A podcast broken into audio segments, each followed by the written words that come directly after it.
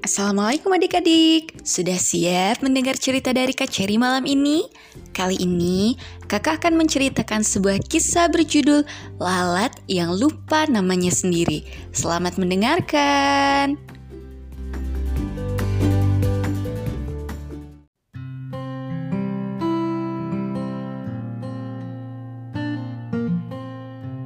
Kisah lalat yang lupa namanya sendiri Zaman dahulu kala, hiduplah seekor lalat yang baik hati, rajin, dan gemar membantu orang lain. Suatu hari, di sekitar tempat tinggal si lalat, tengah diadakan sebuah festival. Si lalat pun dengan senang hati membantu kegiatan tersebut. Tetapi karena terlalu asyik membantu kegiatan tersebut, membuat dirinya lupa akan namanya sendiri Lalu, si lalat memutuskan untuk bertanya pada seorang wanita tua yang tengah duduk di bawah pohon. "Maaf, Ibu, apakah Anda tahu nama saya?" tanya lalat. Tapi sang ibu tidak mengetahuinya, bahkan menyuruhnya untuk bertanya pada seorang anak laki-laki yang tidak jauh dari posisi sang ibu berdiri. Lalat pun terbang dan menghampiri sang anak lelaki yang dimaksud. Kemudian, dia bertanya lagi akan pertanyaan yang sama yang dijawab dengan gelengan sebagai tanda bahwa sang anak lelaki tersebut tidak mengetahui nama si lalat. Bahkan, sang anak lelaki tersebut menyarankannya untuk menanyakannya pada kapak yang dibawanya. Loh, kapak kan tidak bisa berbicara ya. Kembali lagi, seperti sebelumnya, sang kapak yang dipegang oleh sang anak lelaki tersebut pun tidak mengetahui nama lalat tersebut.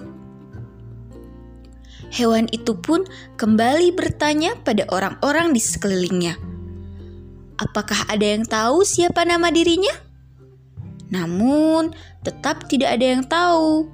Sampai lalat bertemu dengan seekor kuda dan kembali bertanya, "Hai kuda, apakah kau tahu siapa namaku?"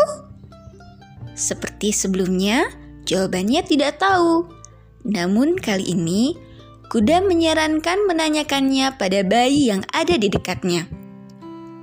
"Hai bayi kecil, apakah kamu tahu namaku?" Sang lalat bertanya dengan rasa lelah karena terus-menerus bertanya.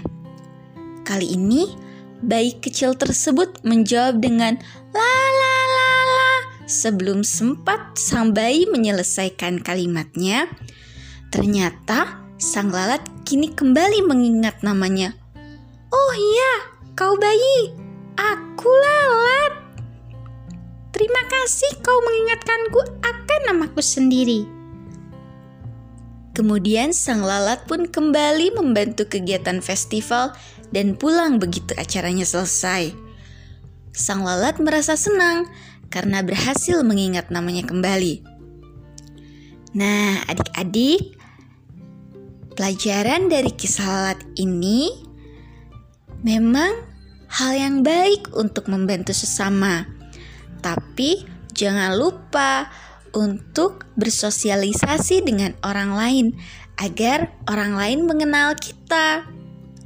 Lihat saja tadi kisah lalat yang baik hati, namun tak ada seorang pun yang mengenal dirinya. Jangan sampai kita membantu orang lain sampai kita lupa dan tidak ingat siapa diri kita.